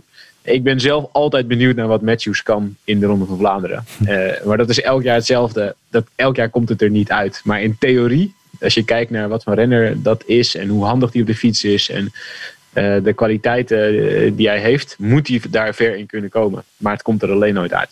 José en ik, wij zijn nu toch al een goede zes, zeven jaar bezig met uh, in de voorbereiding van dit soort gesprekken, welke naam gaan we noemen? En dan komen we altijd bij Matthews. ja. En het komt er niet van. Dit jaar wel, José? Nou, bijna niet. Wel, we gaan nog een paar jaren wachten. Nee. het wordt moeilijk, ja. Het wordt heel moeilijk. De tribune. Ja, we gaan ons uh, niet blind staren op de Vlaamse klassiekers, want bij het voorjaar hoort ook het klimwerk in de Ardennen klassiekers. En dit jaar denken we in dat verband zeker aan een van de revelaties van vorig seizoen, de Zwitser Mark Hirschi. Well, actually, I think for my approach to the season, it's not changed a lot. I will, I will focus on Ardennes classics, and we have a really strong team there. And in a, yeah, in the classics, it's always better to have several guys in the final to play a little bit uh, because uh, there are a lot of guys in the bunch uh, like uh, Wout van Aert, but also Van, van der Poel that are really hard to beat in a sprint. So yeah, in Liège or also in Amstel, you have to drop them before because when you go to the to the line with them, it's yeah, it's it's almost impossible for me to to beat them. So it's super nice to have a guy like Tadej, and then uh, we'll go to the tour, uh, help Tadej, and then uh, we'll focus on the Olympics. So the big goals like Ardennes Classics and the Olympics will stay the same. And long term, uh, yeah, maybe in the future Grand Tours, but I will not put pressure there on. Mark Hirschi, José, wordt hij de man van de Amstel, Waalse Pijl en Luik? Normaal gezien wel, hè. Ja, normaal gezien is dat een soort nieuwe Valverde. Hij heeft de Waalse pijl vorig seizoen al gewonnen. Was er ook super dichtbij in uh, Luik? Ja, uiteraard. Ja. Als daar uh, inderdaad geen misslag is, dan, uh, dan zou je er inderdaad heel dichtbij geweest hebben. Dat absoluut. Ja, het gaat hem niet alleen over die koersen en ook niet over de wedstrijd die hij gewonnen heeft of verliest, maar het is vooral de manier waarop hij koerst en kan koersen en de mogelijkheden die hij heeft. Ehm, ja, ik vind het alleen jammer, jammer wat er gebeurd is eigenlijk. Ik, uh, ik weet niet. Ik, ik, uh, het over het feit dat hij veranderd is van ploeg. Ja, ja ik, ik snap eigenlijk het hele verhaal niet. Hè. Ik bedoel, ik snap het verhaal van uh, Sunweb sowieso al niet op DSM. Uh, dat men renners laat komen en gaan en dat daar dan nooit echt de echte reden verteld wordt. En dat vind ik eigenlijk... ja, ik vind dat jammer bij de naam Marrakeshi. Het is daarvoor dat ik bijzonder blij was dat ik naar Brussel kon komen, want ik wist dat dit thema sowieso zou komen. Ik wil nu van Thijs weten, waarom zijn die uiteengegaan? Er was een dwingende reden, Thijs, jij kent die. Ja, ik ben ermee bezig, laat ik het zo zeggen. Maar het is in ieder geval niet het verhaal wat Hirschi uh, door laat zijpelen uh, her en der. En wat je terugleest in L'Equipe bijvoorbeeld, dat het zou gaan om geld. Of omdat hij niet werd gefeliciteerd nadat hij goede uitslagen had behaald. Er zit veel meer achter. Uh, het is een ontzettend raar verhaal inderdaad, wat José zegt. Uh, ze zijn uit elkaar gegaan op een, uh, op een ontzettend vreemd moment. Een week na de ploegenpresentatie, diep in december. en een paar dagen later had hij ineens een nieuw contract bij UAE. En dat was ook een last minute in elkaar gesleuteld contract. Daar is veel meer aan de hand dan alleen maar geld of... Uh, wat er ook wordt gezegd, weet je, dat Sunweb of DSM niet goed kan omgaan met kopmannen. Hier is uh, een stuk meer aan de hand en ik hoop dat ik er binnenkort meer over kan zeggen. Maar dit is een, binnen de ploeg en binnen, binnen DSM is dit een, een heel lastig thema geweest. En ze zijn er heel lang mee bezig geweest om in feite Hirschi uit de ploeg te krijgen. Waarom? Hadden ze daar langs beide zijden belang bij? Ik denk dat die, de, het belang, uh, wat, hoe ik het nu begrijp, uh, was uh, vooral van de zijde van DSM. Om hem eruit te oh, krijgen. Ze wilden hem dus droppen. Daar lijkt het wel op, ja. Zou het te maken hebben met het gebruik van ketonen? Wat niet toegelaten is bij Sunweb? Mm, dat, dat weet ik niet. Dat denk ik eerlijk gezegd niet. De, de, de informatie die ik nu heb is, is dat in ieder geval niet doorslaggevend. Of dat zou te kort door de bocht zijn. Ik, denk ook, ik weet ook niet of dat de reden zou zijn om zo'n jonge, veelbelovende renner af te stoten. Het is nog gebeurd, hè? Bargil is ook moeten gaan omdat hij weigerde het kopwerk te doen voor Kelderman. Ja, ja, zeker. Maar ik, ik, ja, wat ik zeg, het is dus niet. Uh, weet je, Bargiel is gegaan natuurlijk, Dumoulin is vertrokken, uh, uh, Matthews is vertrokken, Ome, Kelderman. En die zijn eigenlijk allemaal vertrokken omdat ze eens waren met de manier hoe Sunweb of DSM omging met, met de wat hooggeplaatste renners of de kopmannen. Um, maar dat, dat lijkt hier niet aan de hand. Het is echt wel iets anders. En ik denk dat je wel in de goede richting uh, denkt, Michel. Maar ik weet het zelf dus ook nog niet in detail. Ja. Maar het gaat wel die kant op, ja. Iets anders dan ketonen dus, maar wel in die richting. Hoe, hoe, dan ook zal geld wel een rol gespeeld hebben. Want ik las, ik weet niet of het waar is. Want niet alles wat je leest is waar. Maar dat hij een jaarloon zou gehad hebben van 75 à 80.000 euro. En als je dan kunt schakelen naar een miljoen, ja. Ja, maar dat, is ook, dat klopt dus ook niet. Oh nee. Dat miljoen misschien wel, maar dat 70, 80.000 euro. Uh, en er werd ook gesproken van 34.000 euro, geloof ik. Ja, dat kan helemaal niet. Het minimumloon van een, uh, van een uh, World Tour prof is sowieso hoger dan dat. Dus er is ook een hoop onzin gelekt en verteld. Interessant, José. Mijn nieuwsgierigheid wordt alleen maar aangewakkerd eigenlijk rond dit het, verhaal. Ik vind het, gezien de enorme belasting van het verleden, van ons verleden in deze sport, mm -hmm. vind ik dit niet kunnen. We hebben recht op de waarheid. Ja, en, en het, is, het is jammer voor DSM, vind ik, wat dat een geweldig bedrijf is. Echt een multinational van I tot Gins, die weer met innovatieve materialen bezig zijn. En dan is het des te jammerder, of misschien juist daarom, dat is het verhaal dat Thijs dan nog zal moeten bovenspitten. Thijs, komt, komt het moment uh, eraan, of, of waarop wacht uh, DSM, het vroegere Sunweb, dus om met die waarheid naar buiten te komen, als het dan toch zo is dat zij vooral van uh, Hirschi af wilden? Wat ik begrijp is dat zij de waarheid niet, of in ieder geval de, de echte reden niet mogen vertellen. Uh, dus dat zij een overeenkomst hebben gesloten uh, waarbij uh, DSM geen verder commentaar mag leveren op de reden van waarom zij met Hershey uit elkaar zijn gegaan. Dus van DSM ga je, gaat, gaat het verhaal niet zomaar komen. Nee. Wat ik me afvraag, is het DSM of is het Spekenbrink? beide, wat ik begrijp. Oké. Okay. Goed, zoals ik zei, heel benieuwd of, het, uh, of de waarheid nog aan het licht komt in dit verhaal. Maar uh, terug dan naar die Ardennen-klassiekers. Ik uh, begin nog eens bij de mannen met wie we deze podcast min of meer begonnen zijn. van Aert en Van der Poel, moeten die Michel doortrekken tot en met Luik? Nu nog niet. Nu nog niet. Um, er komt ook nog een tour aan. En dan komt ook nog eens de periode van de Olympische Spelen daar vlak achteraan. Dan denk ik dat dat uh, de scooters zoveel wordt als je dan ook nog eens doortrekt naar tot en met Luik Bastenaken-Luik. Maar Van der Poel, hebben we gezien, hè, José? Hij was, uh, was wel sterk hè, vorig jaar. Ja, hij was sterk uiteraard. En je weet nooit wat er in het voorjaar kan gebeuren. De 14 dagen er even van tussen zijn door een of andere reden. En dan kan zo'n Luik Bastenaken-Luik misschien nog wel net daarbij. Is dat dan voldoende om die wedstrijd te winnen? Het zal toch altijd een eikel punt worden natuurlijk tegen een Pogacar en tegen Hirschi en tegen nog een paar anderen. Dus ja, dan, uh, dat kan, maar ik denk dat het moeilijk op de planning zal kunnen, ja. Mathieu van der Poel zal ook toch in een of andere wereldbekerwedstrijd in het mountainbiken ja. een uh, pertinente goede plaats in, uh, op de Spelen moeten afdwingen. Hè? Ja, Mathieu van der Poel wordt minder wegrenner dan Wout, Wout van Aert. Hè. Mathieu blijft alsmaar met dat uh, mountainbike gebeuren in het achterhoofd zitten.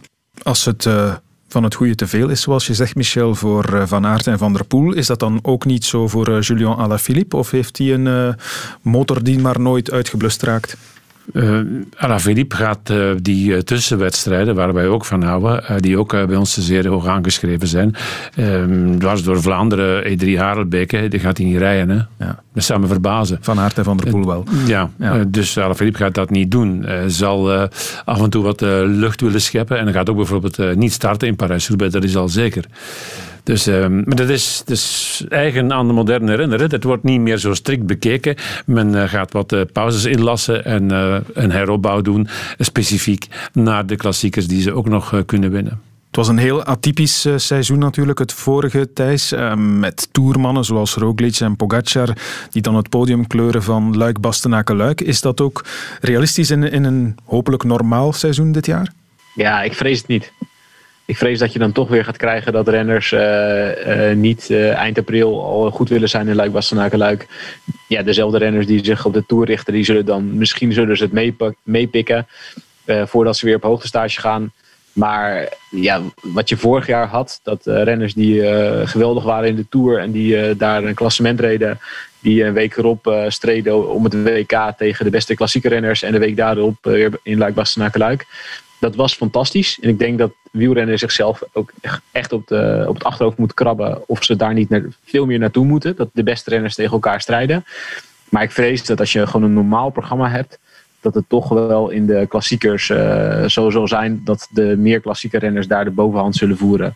En dat er heus renners als Pogacar en Roglic zullen, zullen komen piepen.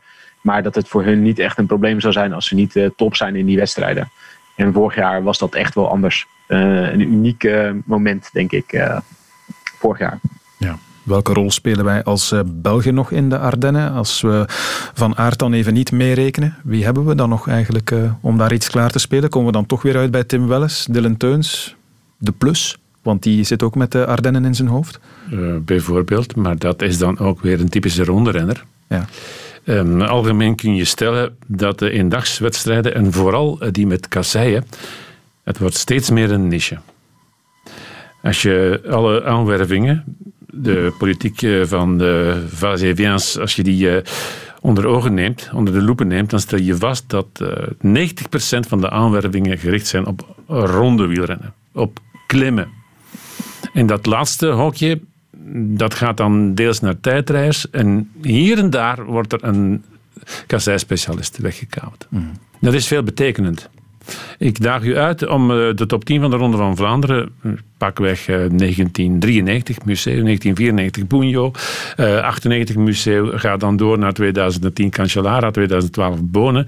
Leg die top 10 naast de top 10 van vorig jaar. Je zal versteld staan hoe we ingeboet hebben aan intrinsiek talent. Ik heb het dan niet over Van der Poel en Van Aert. Maar um, je moet dan kijken naar van wie in de top 10 heeft nog een klassieker gewonnen later of ervoor. Doe dat nu eens. Het zullen er weinig zijn. Ja, dat kan wellicht ook beïnvloed zijn door dat uh, hele jaar met, uh, met COVID. Hè? Hmm. Want we zaten aan het eind, we zaten in de start van het seizoen met de Ronde van Vlaanderen. De tribune. Radio 1. Koersen, koersen, koersen, dat willen we allemaal. En dan liefst op een eh, veilige manier. Ook dat is een veelbesproken thema. Een nieuw veiligheidsplan van de UCI ligt op tafel. En wat daarvan vooral in de aandacht kwam, was de speciale aandacht voor de fietshouding. Afdalen, zittend op de buis of de tijdrithouding, het mag niet meer, tot spijt van velen. Ik vind dat wel jammer dat dat, dat allemaal verboden gaat worden. Ik, ik gebruik zelf die houding ook heel dikwijls. Dat is gewoon de snelste houding in een afdaling. Dus ja, het is, het is jammer dat dat, dat, dat zomaar wordt, uh, wordt afgeschaft allemaal. Vooral die, die tijdrithouding. Dat ik, ik herinner mij al van Michele Bartoli dat die ermee begonnen was. Uh, misschien als ze ervoor dat ook al deden. Sinds, sindsdien doet bijna iedereen dat. En nu ineens is dat gevaarlijk. Dus dat vind ik een beetje raar. Die supertuk, dat kan ik nog begrijpen dat ze dat willen afschaffen, omdat ja, kinderen, juniors, nieuwelingen, die imiteren dat. Maar die, die tijdrithouding, dat vind ik uh, een beetje vergaand. Dat was Thomas de Gent uh, over de nieuwe ja, maatregelen die eraan komen. José, ja, wat is de zin of de onzin van de hele discussie? De onzin van de hele discussie vind ik, zoals Thomas zegt, bij de inhouding zittend op de bovenbuis, daar heb ik, ik mijn bedenkingen bij. Dus voor mij hoeft dat niet. Absoluut niet. Uh, die andere houding, tijdrithouding, handjes boven los op het stuur. Wanneer ga je dat doen? Als je op kop rijdt, uh, de klerk zijnde, richting naar de koproep toe. Of als je in de koproep zit en je gaat een lange beurt voor je rekening nemen op het vlakke. Dan ga je die houding uh, aan, aannemen. Voor mij is dat helemaal niet nodig dat die eruit gaat. de rest, daar ben ik het wel mee eens. Ja, er wordt nu natuurlijk ook wel een beetje gefocust op uh, die fietshouding. Het is net dat wat uh, uit het plan dat veel omvangrijker is gelicht is. Um, Thijs, ja, ondertussen zien we wel natuurlijk in de koersen die we al gekregen hebben, toch weer onveilige situaties die dan met het parcours te maken hebben en wat eigenlijk veel belangrijker is dan die fietshouding, toch? Zeker. Um, en dat is denk ik ook uh, waarom heel veel renners er een probleem mee hebben. Dat de UCI nu eigenlijk de schijn geeft dat ze beginnen bij uh, de houding van renners aan te pakken, die voor relatief weinig ongelukken hebben gezorgd. Al denk ik dat heel veel renners die supertuk uh, prima vinden als die eruit gaat. Uh, maar dat je ondertussen ziet in de ster van Bessage dat er bijna elke dag wordt gesprint op de meest belachelijke aankomsten met stoepjes in de laatste kilometer die niet worden aangegeven. Ik denk dat daar heel veel renners helemaal zat mee zijn. Um, en ik denk dat het heel belangrijk is dat je renners meeneemt in het hele veiligheidsplan. En dat is dus weer niet gebeurd. Uh, hoe goed het ook is dat de UCI eindelijk uh, aandacht besteedt in dit onderwerp. Het begint wel bij de, de, de acteurs in de sport. En die vergeten ze elke keer. Waar is het fout gelopen, Michel? Want je had inderdaad uh, dat, veil dat, veiligheidsplan dat uh, rondgemaild is door de CPA, de Rennersvakbond. Matteo Trentin, Philippe Gilbert waren erbij betrokken, maar uh, die mail met de plannen die dan in het najaar verstuurd is, heeft de renners helemaal niet bereikt. Enfin, het is te zeggen, ze hebben er eigenlijk amper naar gekeken. Um, Misschien hadden ze er gewoon de tijd niet voor. Misschien denken ze wel van een ander zal dat wel voor mij oplossen. Uh, ik zit in een ik-fase, ik wil straks presteren en god moet ik dat er nog allemaal bij pakken. Uh, we moeten al andere dingen administratieve oplossen. Nee, doe maar en uh, laat een woordvoerder dat maar oplossen. Ik suggereer maar. Mm -hmm. Maar wat het, verboden, of het verbieden van die houdingen betreft, is window. Ik heb daar helemaal geen probleem mee. Het is puur window dressing. Om nog wat tijd te winnen om uh, de harde realiteit uh, aan te grijpen en die te verbeteren. En bedrijven zijn daarmee bezig. Hè? Er worden op dit ogenblik fantastische um, totems vervaardigd. Uh, nieuwe uh, soorten van nadar in uh, polymeer, waar de impact volledig geabsorbeerd wordt. Maar dan hoor ik dat als één wedstrijd of twee wedstrijden die dingen van Boplan, want zo heet die firma, als die die introduceert, dan zegt een andere groep van wedstrijden, ja, maar dan pakken wij die niet. Wat jammer zeg. Heb je ze al gezien, die totems? In Gent-Wevelgem ik, ik heb ze gezien, ja, ja. Ik was... Um, um, verbouwereerd, ik was gecharmeerd en ik zei meteen, dit is het. Dit gaat heel veel oplossen. Als je zo de laatste 500 meter kunt inrichten, want dat is nu ook in wording, um, een polymeren nader, laat me het zo nemen, met een schuine kant, waar uh, alles wat er tegenaan vliegt, uh, als, als, bij wijze van bumper geabsorbeerd wordt. Ja, waarom mag je dat dan niet promoten? Waarom neem je dat niet met beide handen aan? Wat denk jij, José? Um, gaan we op een beter seizoen af wat de veiligheid betreft? Of wordt het toch weer uh, hetzelfde als de voorbije jaren en krijgen we toch weer toestanden met onveilige parcours, met gevaarlijke afdalingen, met finishes zoals in de Ronde van Polen, om die maar te noemen? Laat ons open van niet. Laat ons absoluut open van niet. En ik vind het... Uh, ik ben geen pleitbezorger voor de UCI, maar de ploegen de renners samen met de UCI en de organisatoren, dat zijn de schuldigen. Het is niet de UCI die de schuldigen zijn. Het zijn ook de ploegen die moeten optreden en vroeger optreden. Men heeft in het verleden vaak gezegd, ja, die aankomstlijn om die maar te noemen, in Polen, is een te snelle aankomst, te gevaarlijk. Uh, we moeten daar iets aan doen. Maar het jaar nadien waren ze daar terug. En het jaar nadien waren ze daar terug. Ik bedoel, ze hebben gewoon te lang gewacht. En is dat dan de, de vakbond? Het zou kunnen, maar dan is het ook aan de renners. Nu steekt Trentin zijn, uh, ja, zijn hoofd in de lucht, zal ik maar zeggen, om, om te proberen er iets aan te doen. En dan zijn er 16 die geantwoord hebben. En dat kan je natuurlijk zeggen, ik weet wel. Ze. Misschien moet dat niet in een bijlage zitten. En misschien moet je dat onmiddellijk uh, met een krantje doorsturen dan. Of, of met een, uh, ik weet niet wat. Met iets daarbij dat ze onmiddellijk moeten openen. Met een fles champagne of zo. Ik bedoel maar iets belachelijk. Uh, maar, maar iedereen heeft daarin boter op, op zijn hoofd. Zowel organisatoren, mensen die de boel moeten controleren. Men is er nu eindelijk aan begonnen. En laat ons hopen dat ze die lijn doortrekken. En dat van waar, van waar die, die naderafsluitingen komen, die veiligheid uh, moeten uh, bewerkstelligen, maakt eigenlijk niet uit als ze er maar zijn. Het ontwikkelen van Vipland heeft zoveel energie en tijd uh, gevergd, omdat dat daar nog opbrengt dat het veiligheidsissue het, het allerlaatste thema was. Ah ja, we hebben hier nog wel een eh, gemeenteloods en daar staat nog Nadar van 50 eh, jaar geleden in, die we elk jaar eh, als de wedstrijd passeert bovenhalen. Dat is te vaak nog altijd de instelling. Hopen dan maar dat het inderdaad de goede kant uitgaat. Um, en daarmee zijn we stilaan rond, denk ik. Hè. Er is eigenlijk niks leukers, vind ik zelf, dan over de koers praten. Vooraf op voorhand voorspellingen doen. En wat dat betreft komen we misschien nog wel uit bij onze wielermanager. Het uh, jullie niet onbekende spel, denk ik, dat jullie kunnen straks ook weer spelen via sportza.be. Daarvoor moet je een beetje in het hoofd kruipen van, ik zal maar zeggen, ploegleider José de Kouwer en een zo sterk mogelijk team samenstellen. Dat zal jou ongetwijfeld ook weer gevraagd worden, Michel, om een ploeg samen te stellen. Heb je al een tip in gedachten? Wie zien we over het hoofd in dit hele gesprek? Geef eens een joker. Moeilijk, hè? Ik hoorde daar een paar keer de naam Oldani vallen. Doe me die maar. Van Lotto Klink, Soudal. Klinkt, klinkt zo mooi. Stefano Oldani van uh, Lotto Soudal. Hè? José, jij? Goh, nee. Geen jokers in gedachten? Nee, nee ik, ben, ja, ik ben er eigenlijk niet aan toe, want je moet dat reglement zo gaan lezen. Hè.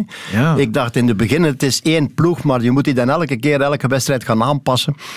en dan, uh, ja... En dan laat hij dat liggen, dan vergeet je gro- dat. Daar hebben wij de tijd niet voor. Nee. Wij zijn werkende mensen. Hè. En, en het, weet wat het We zijn probleem geen is? spelende mensen. Weet wat het probleem is? Ik verlies niet graag. En ik, ik verlies altijd in dat soort werk. Dus, uh, Dus dan doe je liever niet mee? ja, ja. Oké. Dan kan ik altijd zeggen nadien van ja, maar ja, ja, ja had moet, had moeten meedoen. Maar we, gunnen ook de echte spelers eh, de kans om eh, dat lekkere gevoel te hebben van we zijn de Kouwer en Wuits mijlen ver voor Ja, want in de dat- einduitslag. Dat zie je dan vaak, hè, dat jullie dat team wel opstellen in het begin, maar het eh, naderhand vergeten aan te passen voor elke koers. Of niet vergeten, gewoon geen tijd voor hebben, zoals je, je zegt, Michel. Maar het is inderdaad een uitdaging. Je moet het juiste team kunnen samenstellen. De goede renners zijn natuurlijk duur. En dan komt het erop aan om die ene witte merel te vinden die misschien wel het verschil kan maken. Thijs, jij bent een, een eh, fervente liefhebber van eh, de glazen bolcup, zoals je die eh, zelf altijd lanceert. Eh, dus ik kom ook nog maar even bij jou polsen hè, voor die witte merel. Ja, Witte Merel, ja, dat is al lastig. Hè? Ik, kijk, ik denk inderdaad dat jongens als Cosnefroid en eh Paris Peintre, dat zijn wel echt de outsiders. Het zijn geen merels meer, hè? Het Nee, zijn al precies. belegen vogels, hè? En, en we hebben het nu niet gehad over iemand als Schachman, maar die moet je eigenlijk ook wel erbij hebben in het voorjaar. Ja. Maar ik ver- verwacht zeker wel, en dat is meer over het hele jaar, verwacht ik eh, wel echt iets van, ook van jonge jongens die overstappen, zoals Leknesund, waar de hele World Tour achteraan heeft gezeten. Maar dat zal niet voor het klassieke voorjaar. Ja, die doet me denken aan eh Gouldhammer. Weet Ja. je nog, José? Gouldhammer die bij de beloften alles plat rijdt en dan vervolgens niks meer. Was Ja, dat ook ja, een rosse? Want dit is een rosse, hè? Ja, dat is ook een rosse, ja. Ja, dat is hè. dit is een rosse. Oké, kijk. En die Eh, rijdt bij DSM. We zullen zien, eh, de namen die zijn allemaal genoemd. Ondertussen denk ik, doe er jullie voordeel mee. Eh, om helemaal af te ronden, misschien toch nog één ding, want dit is een wielerpodcast. En kijk, de naam Remco Evenepoel is amper gevallen. Moeten we daar nog iets aan doen? Eh, dat, dat, dat ligt aan, aan de vragensteller. Bij deze gooi ik hem nog eens op tafel. Remco Evenepoel, een laatste woord. Hoe kijken we naar eh, ja, zijn seizoen? Hij mag weer fietsen, dat is toch al dat? Ik ga antwoorden met, met eh, één woord. Geduld. José? Eh, gezond en wel terugkomen. En Thijs? Volgens mij is het een blessing in disguise dat we niet de hele tijd nu al over Evenepoel gaan eh, praten. En, in de eerste plaats voor Evenepoel zelf. Hoe vervelend hij het ook zal vinden dat hij geblesseerd is. Volgens mij is het hartstikke goed voor hem dat hij eventjes niet in de schijnwerper staat. Voilà. We laten hem in alle rust eh, terugkeren. En hopelijk eh, kan hij dan aan een Giro beginnen zonder al te grote verwachtingen. Maar dat is voor later dit seizoen. Eerst dat voorjaar natuurlijk.